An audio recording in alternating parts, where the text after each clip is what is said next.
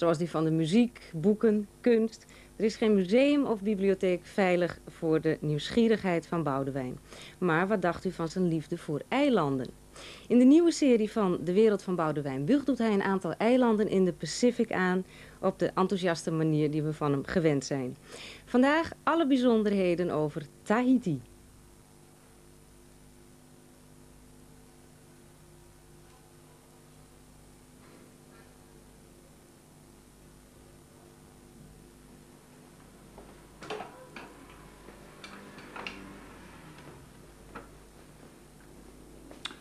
Oceanië, ofwel de Pacific. Hoeveel mensen zijn er daar geweest? Nou, niet veel. En wie kent landjes als Kiribati, Nauru, de Cook Islands? Weinig mensen zijn er geweest.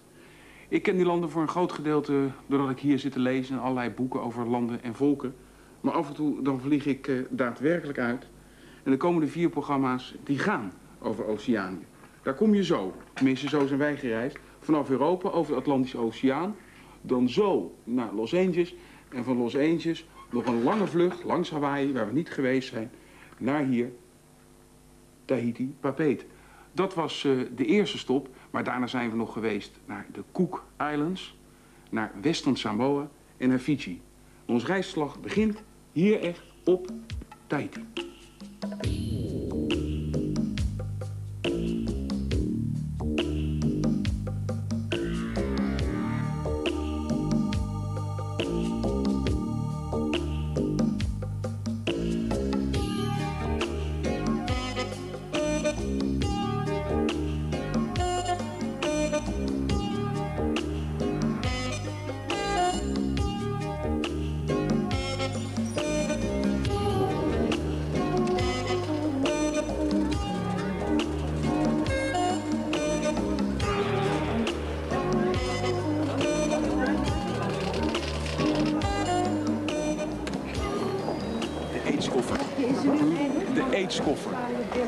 Uh, nee. Als je bloed moet hebben, heb je kans in die landen op uh, aids. Hier zit bloedplasma in, prikken, verbanden. Echt een apart door de NOP ons uh, ter beschikking gesteld voor ernstige gevallen. Maar we hopen natuurlijk niet uh, met deze dingen geconfronteerd te worden. Ja, dan halen we eruit.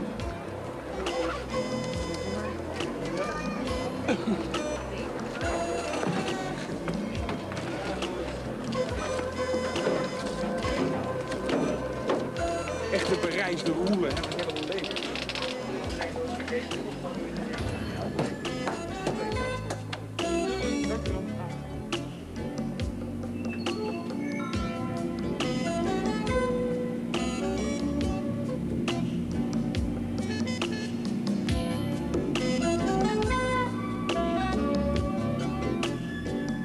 Tahiti ligt 20.000 kilometer van huis.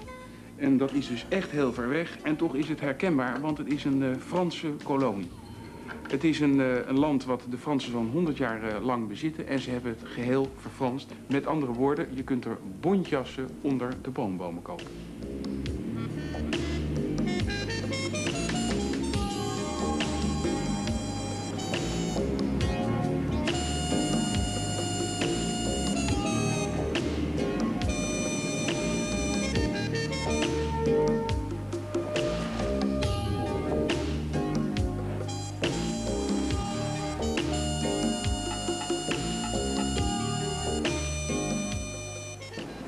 De eerste die aankwam was Frans van Wallis.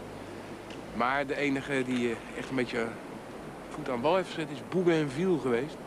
Waarna het plantje de Bougainville is genoemd. Dat iedereen nu, wat hier vond, dat iedereen nu zijn vensterbank staan in, heeft staan in Nederland.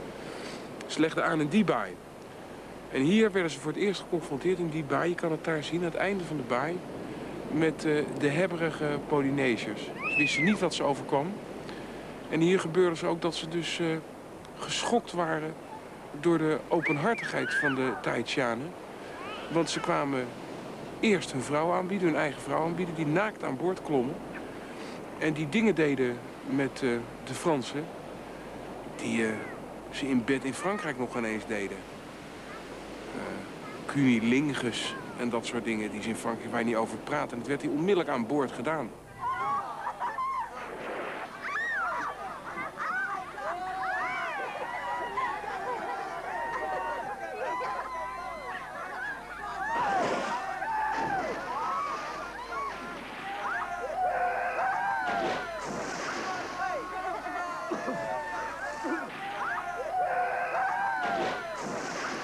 Gek is, Bougainville schreef een boek erover. Maar later begon eh, de lage staf erover te schrijven. En dan weer nog een lage staf. En de verhalen werden steeds mythischer over wat er hier gebeurde. Op een gegeven moment zaten de matrozen ook boeken te schrijven. Die lieten anderen schrijven. Toen kwam er een, een, een, een ontzettende run op Tahiti. Want het werd steeds wilder, die verhalen. Dus toen de matrozen eenmaal aan het schrijven en het vertellen waren... toen was het al zo wild dat in Frankrijk ploegen klaar stonden meer heen af te reizen. Maar het heeft zichzelf om zeep geholpen. Het heeft zichzelf om zeep geholpen, omdat uh, het, uh, men heeft ook kunnen berekenen...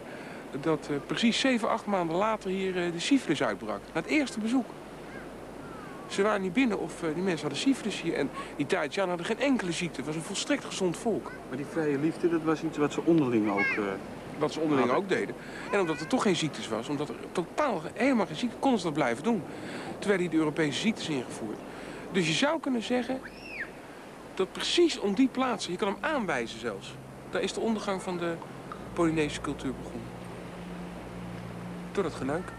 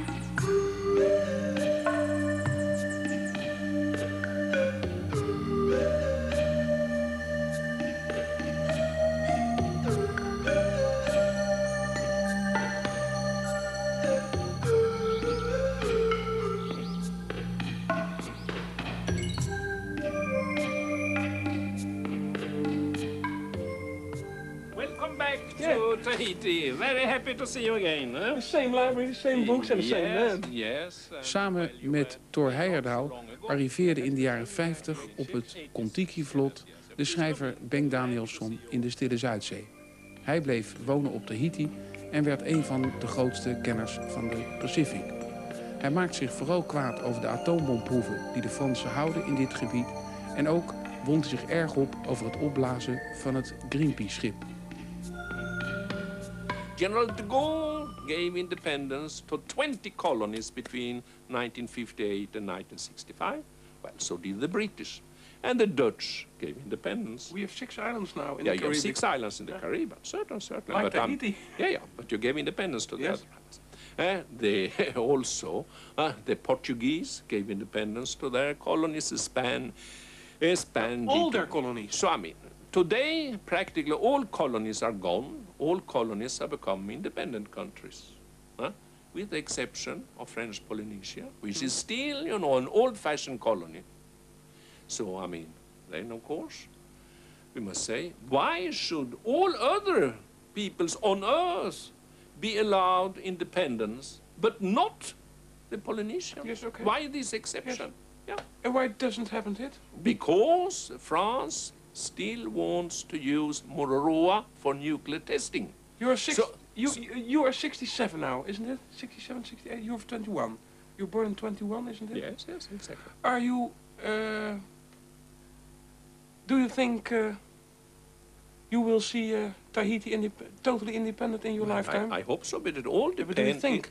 no, it all depends on the French government. The French government uh, detains all the powers here. The Polynesians are totally powerless. What can they do, a small people, against a big nation like France, 54 million people? If the French will leave uh, Tahiti, Yes. I think it, uh, it's a disaster for the economics of Tahiti. It will be disastrous for the French businessmen and for a certain number of Chinese businessmen. But it will be far the best solution for the Polynesians because they will be free to develop the sort of economy that suits them. What kind of?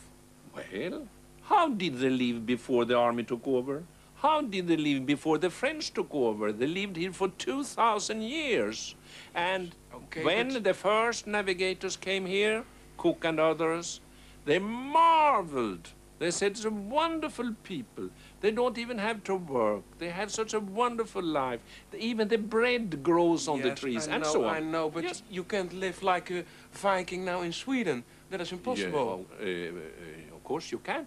But, I mean, the main point is, of course, huh, how huh, are the other Polynesian peoples doing in the Pacific? Huh? There are 13 independent countries in the Pacific today. They have never had any French army. Hmm? They never had any French uh, you're right. atomic test. Right. How can they survive? You're writing in uh, A Poisoned Rain Yeah.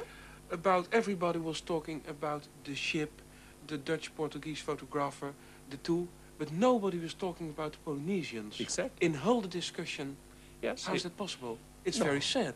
It- It's very sad, but I mean, the reason is, of course, that what captured uh, the interest and the imagination of the whole world was, of course, the spy drama. It was a great drama, huh? with a lot of... James Bond story. Yeah, James Bond story. I mean, was a, was a good story to begin with, and that was uh, what people liked. And, and then, of course, many places uh, people were outraged uh, by, you know, uh, the idea that the French committed a sabotage in a friendly, neutral country like New Zealand and so on.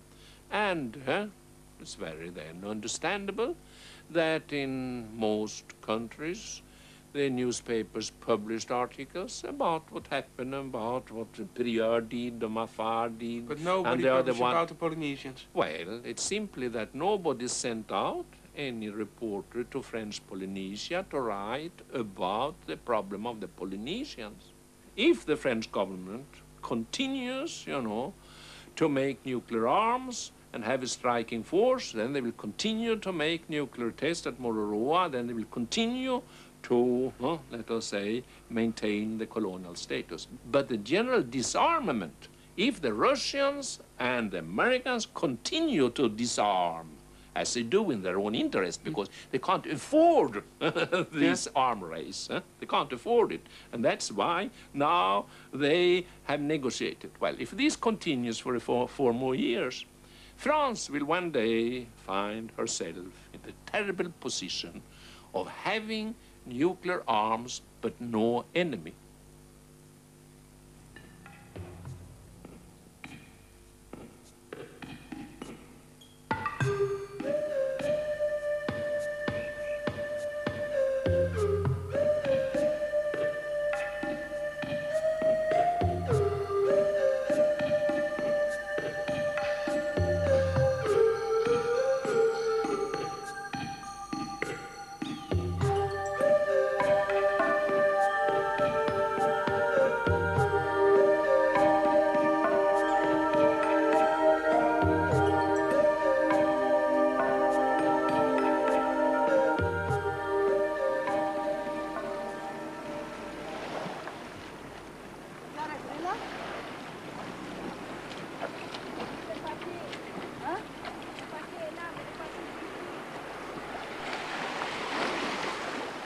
De doodscultuur van de Polynesiërs, dat was iets eh, heel bijzonders. En er zijn nog een paar dingetjes van overgebleven. En het voornaamste is dat ze de doden dicht bij hun huis willen hebben. Dus heel veel mensen begraven hun opa en oma in de tuin. Of in ieder geval dicht bij zichzelf. Er bestaan geen begraafplaatsen dat ieder dorp één grote begraafplaats heeft. Nou, en hier is zo'n begraafplaats. Dat ligt dan bij het, eh, het gemeentecentrum. Je tenminste een beetje dichtbij. En als ik me niet vergis, ligt daar een van de beroemdste doden van. Ja dat is een van de beroemdste doden van eh, Tahiti. Dat is koning Pomare V. Of Pomare V. Dat was een man. Maar misschien kunnen we er eens heen lopen en dan zal ik proberen uit te leggen hoe het krankzinnige Tahitiaanse koninkrijk en het koningshuis in elkaar zat.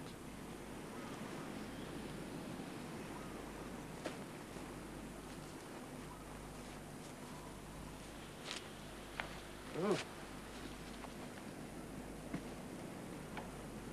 Ja. Het is dicht. Hier rust de laatste koning van uh, Tahiti. En hij heet? Pomare de vijfde. En er waren dus 1, 2, 3, 4 en 5. En daarvoor waren er ook koningen. Maar het Tahitiaanse koninkrijk is verenigd aan het begin van de 19e eeuw onder koning Pomare I. En waarom heette hij Pomare I? Hij werd koning. Moest hij een naam kiezen. En toen had zijn neefje vreselijk gehoest die nacht. Dus hij dacht, nou, weet je hoe ik me noem? Ik noem me een nacht hoesten. Want dat betekent Pomare in het Tahitiaans. En die anderen hebben zich allemaal Pomare blijven noemen. Pomare IV was een, eh, een vrouw, de meest populaire koningin eh, van heel Tahiti is dat geweest. En die deed heel goed en die was geliefd bij de bevolking. Maar Pomare V was aan de drank. En dan moet ik toch even eruit stoppen, want dan kan je het zien. Pomare V was aan de Benedictine. En dat hebben ze op zijn graf tot uitdrukking laten komen door een hele grote... Als we achteruit lopen, een Benedictinefles op zijn graf te laten zetten. Als je achteruit zie je de hengsels zelfs van de Benedictinefles nog. Maar in 1880 heeft deze dronkenlap, Pomare V, voor een groot pensioen zijn zaak verkocht. Het hele land, alles met de bevolking erbij. In ruil voor een pensioen? In ruil voor pensioen en drank. Hij had ook apart drank. Ja, kreeg hij er ook bij. Hij heeft toen een liederlijk leven geleid tot aan het eind van zijn leven. Hij heeft nog een paar jaar geleefd.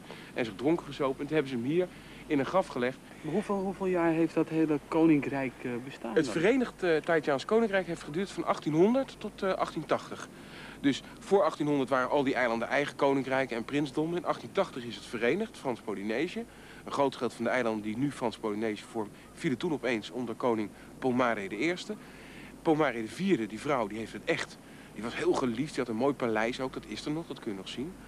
In, uh, in, uh, in Papeten. En hij heeft de zaak naar uh, de donder geholpen.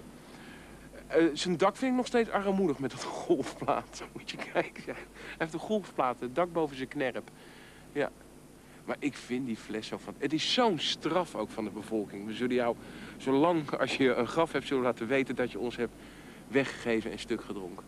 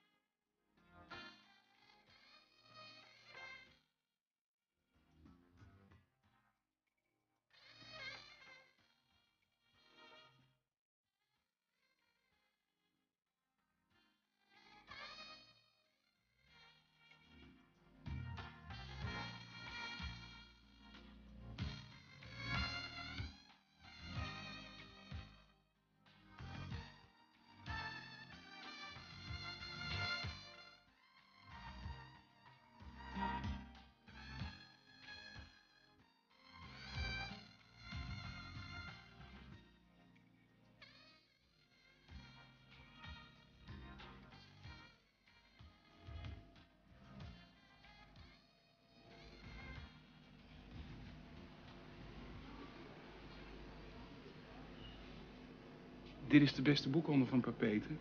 En dat ligt dus vertaald van uh, Springer. Springer. Onze ambassadeur Nieuw-Zeeland zijn roman Bougainville. En Bougainville is weer de eerste, een van de eerste die op Tahiti geland is. Het verbazende van uh, deze boekhandel, en er zijn er nog twee, maar dit is echt de beste. Ik bedoel drie goede boekhandels. Is dat hier de hele Franse literatuur te krijgen is. Daar staan de Pleiades, dat is de meest prestigieuze Franse klassieke reeks. En je kunt er op bijbelpapieren Herodotus kopen, het hele werk van Proest. En ik vroeg die mevrouw, ze kosten twee keer zo duur, ze zijn twee keer uh, zoveel moet je ervoor betalen als in Frankrijk. Hoeveel per week verkocht wordt. En ze kosten zo'n 200 gulden, zo'n drie per week. En mensen zijn hier dol op Baudelaire en uh, Rimbaud. En ik vind dat zo verbazend, vooral als ik dit dan zie. Een Nederlands schrijver, vertaald in het Frans, die hier ligt. En verder echt de hele Franse literatuur. Midden in de troop. Fransen vinden, als je tot het Frans... Uh, tot de Franse Republiek behoort, waar op de wereld, moet je kennis kunnen nemen van de Franse klassieken. En ze vinden dus ook dat je, waar het 40 graden boven nul is, zoals hier, dat je Rimbaud, Baudelaire, Diderot moet uh, kunnen lezen. Ja, dan moet je alleen maar tot de conclusie komen dat uh, de Fransen ook in hun uh, cultuurbeleid zeggen van... Tahiti moet niet Tahitiaans worden, maar zo Frans mogelijk. Dat wil zeggen, kijk maar, Rousseau, Delle, Collard, Orsina, Frans.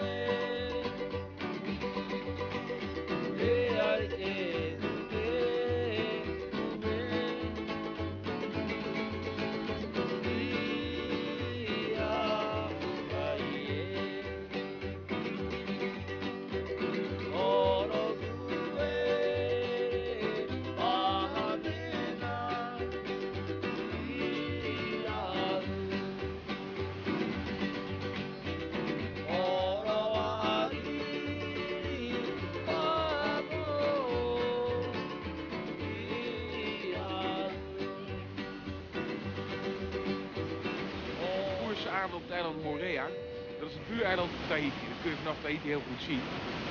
En van Morea is het bijzondere dat uh, de contouren zijn er volstrekt zo zoals de eerste reizigers, uh, Europese reizigers, ze gezien hebben. Er staan geen flatgebouwen, er staan geen grote gebouwen. Het ziet er precies zo uit zoals de Spanjaarden en de Portugezen in de 15e en de 16e eeuw gezien hebben. De Spanjaarden en de Portugezen hebben het links laten liggen, want er was niks te halen. En toen kwamen in de 16e en 17e eeuw de Nederlanders. De bekende namen Schouten, Lemaire, Roggeveen. En ook die hebben het links laten liggen, want er was geen goed hout. Nou, er was eigenlijk niks te halen en waren op weg naar Indië. En toen kwamen uiteindelijk de Fransen en de Engelsen hier tegelijkertijd. En het is een enorme strijd geweest. En Morea is eigenlijk pas echt belangstellend geworden toen Koek hier kwam. Maar toen Koek hier kwam, toen waren er verschrikkelijke oorlog aan de gang tussen Tahiti daar en Morea daar met bootjes, met van die uh, kano's, uh, waren ze elkaar aan het afmaken. En die oorlogen, die uh, Tahitiaanse oorlogen tussen de Tahitianen zelf, hebben geduurd ongeveer tot 1806. Toen kregen de Engelsen het voor het zeggen en even later, vlak even later, heel dichterbij, de Fransen. En nu is het Frans, maar het gaat door met Bora Bora van een van de allermooiste eilanden van Frans-Polynesië.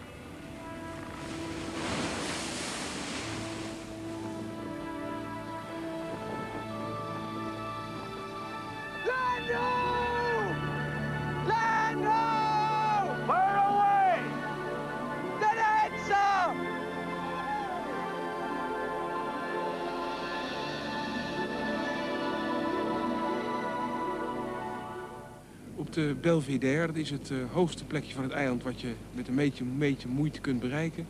Daar heb je een uitzicht over de twee baaien en daarna de oceaan. En dat plekje is volstrekt onaangedaan.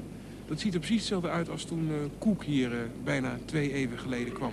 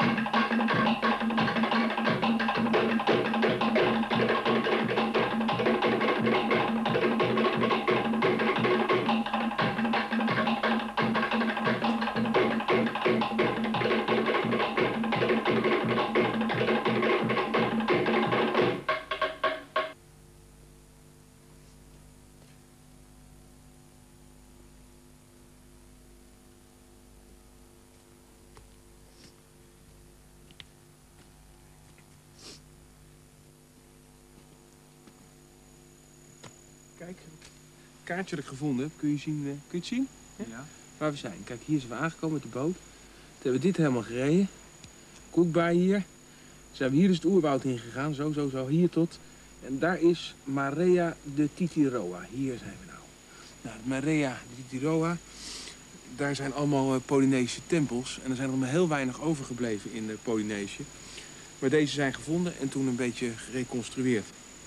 Ik sta nu hier op het, eh, de vergaderplaats van de stamhoofden. En het is dus op de hoogst begaanbare plek van het eiland Morea. Hoe nou precies die godsdienst van de Polynesië in elkaar zat, dat eh, weten we niet. Want ze schreven niet. En het, eh, het spijtige is van de ontdekkingsreizigers dat ze er veel meer belang bij hadden om ze hier direct protestant of katholiek te maken. Dan even te vragen hoe zat het nou met jullie eh, in elkaar met die godsdienst. Er zijn hier heel veel van die soortgelijke tempels. En het is een beetje gokken wat ze er deden. Offerandes brengen, varkens offeren, praten, ja, kokosnoten gooien. Ik weet het niet.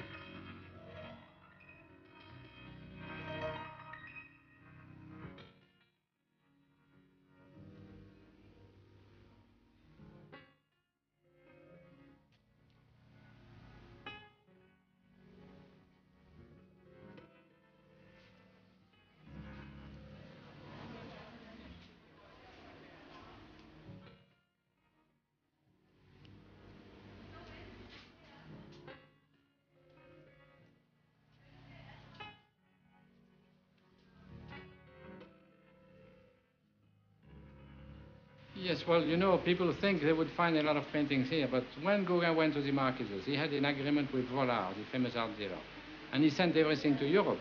And when he died, all his belongings were taken back to Tahiti. Most of the painting left were bought by European, and nothing was left in Tahiti. And then when we decided to build that museum, we thought, oh, people think always of Gauguin when they come to Tahiti. We must do something for the memory of Gauguin. But then it was quite late, 1965, this museum was opened. And already at the time, painting were expensive to buy. And then we started like that, and slowly we opened a new wing with air condition, uh, air condition, uh, security. And since then, we have had few paintings on loan, or few works of Gauguin on loan. But of course, today, paintings of Gauguin cost so much money that How, we... uh, uh, how, how many? How much money? Well, I don't know, but it could Millions of dollars. Millions of dollars. I mean, a beautiful Gauguin painting would cost as much as the highest uh, Van Gogh, fifty million dollars. You see, uh, from a painting from Tahiti. But I mean, you you can't find a, a Tahitian Gauguin on the market. It's very rare. There are only about 170 of them. Mhm. Many of them are in museum, which won't part from with them. And if you find one on the market, it's going to fetch several million dollars.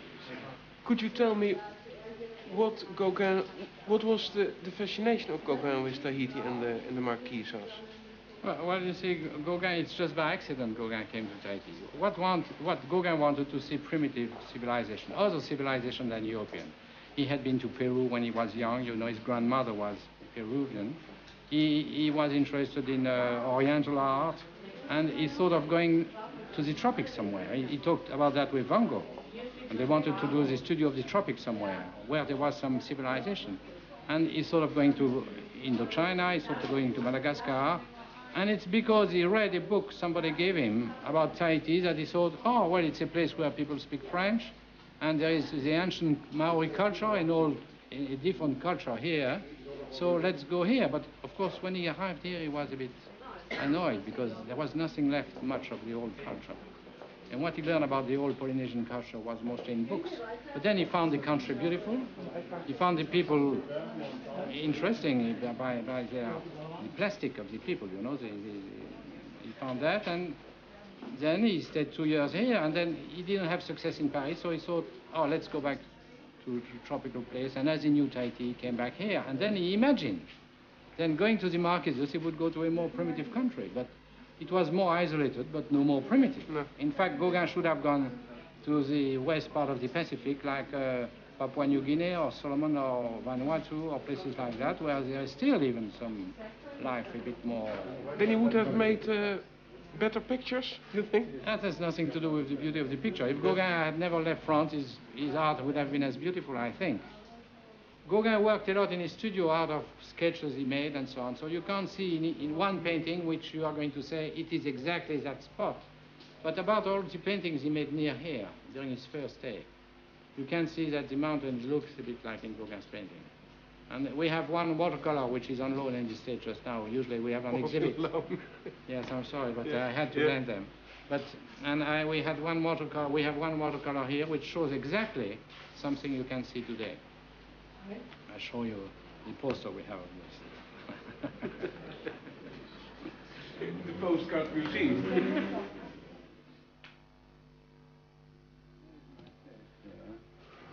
So we have plenty of room. If a museum in Holland or a rich Dutch uh, gentleman wants to lend us or to give us a painting, we have plenty of room to house and protect them, you see. We have a big vault here. And what's in here? So here are paintings which are made in Tahiti by some other paintings. Because Tahiti has always been a land of painters. Matisse came here, but before Matisse, the American John Lafarge came here. A lot of painters came to Tahiti, not as good as Gauguin and Matisse, not as famous. What's that? This is a...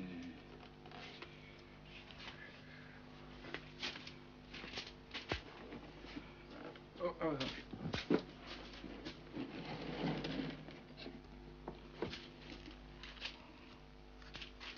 This is a drawing by Gauguin.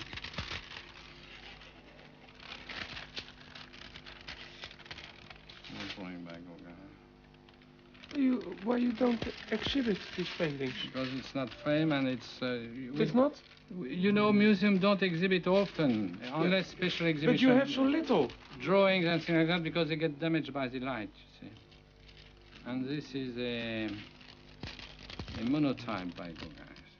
What special is monotype? What is a monotype? Well, it's it is a print printed in one time. I mean, it's a drawing Gauguin made on a sheet of paper, for instance, with uh, ink, and then he pressed another on the other one, Yeah. and with his pencil on one side, he went back with his pencil. You see, so it, it presses better on this side. This is the monotype, and the other side are and the other side is is the drawing drawings. pressed by Gauguin Yeah. To, to to be able to print better what you wanted to print. And you're sure they're real Gauguins? Yes. There's not a signature on it. There's not one. And his name on it. Well, this In is the little, you see that this is little triumph.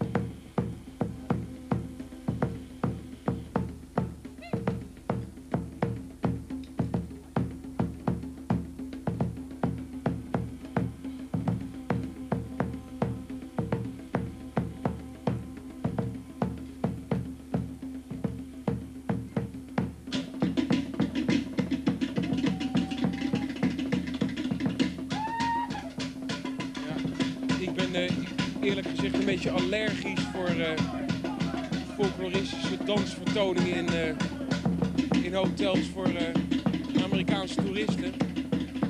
En ik weet ook niet precies hoe origineel dit soort dansen zijn. Ik weet alleen dat dit is de bounty in beeld gebracht door uh, Tahitiaanse en danseressen. En wat ik ook weet is het feit dat die dansen waren bijna 20 jaar geleden helemaal verdwenen. Maar hoe meer een volk zich bewust wordt van zijn uh, eigen identiteit, dan willen ze hun cultuur weer terughalen. Wat je in Nederland ook ziet met uh, het klompendansen, wat steeds meer gebeurt. Nou, hier hebben ze ontzettend in Frankrijk geïnformeerd. Waar missionarissen al die dansen hadden genoteerd en de muziek opgeschreven. En je ziet meer en meer in de Pacific en nou specifiek in Tahiti, dat die dansen terugkomen. En dat jonge lui dat uh, heel ernstig beoefenen. Ik geloof dat ze dit heel serieus uh, bedoelen. En ze doen het met uh, heel veel enthousiasme. Alleen het enige wat fout is, is misschien de locatie. Ze zouden het eigenlijk voor zichzelf moeten doen. Maar ze doen het dan voor die toeristen hier, waar ik dan toevallig bij hoor nu.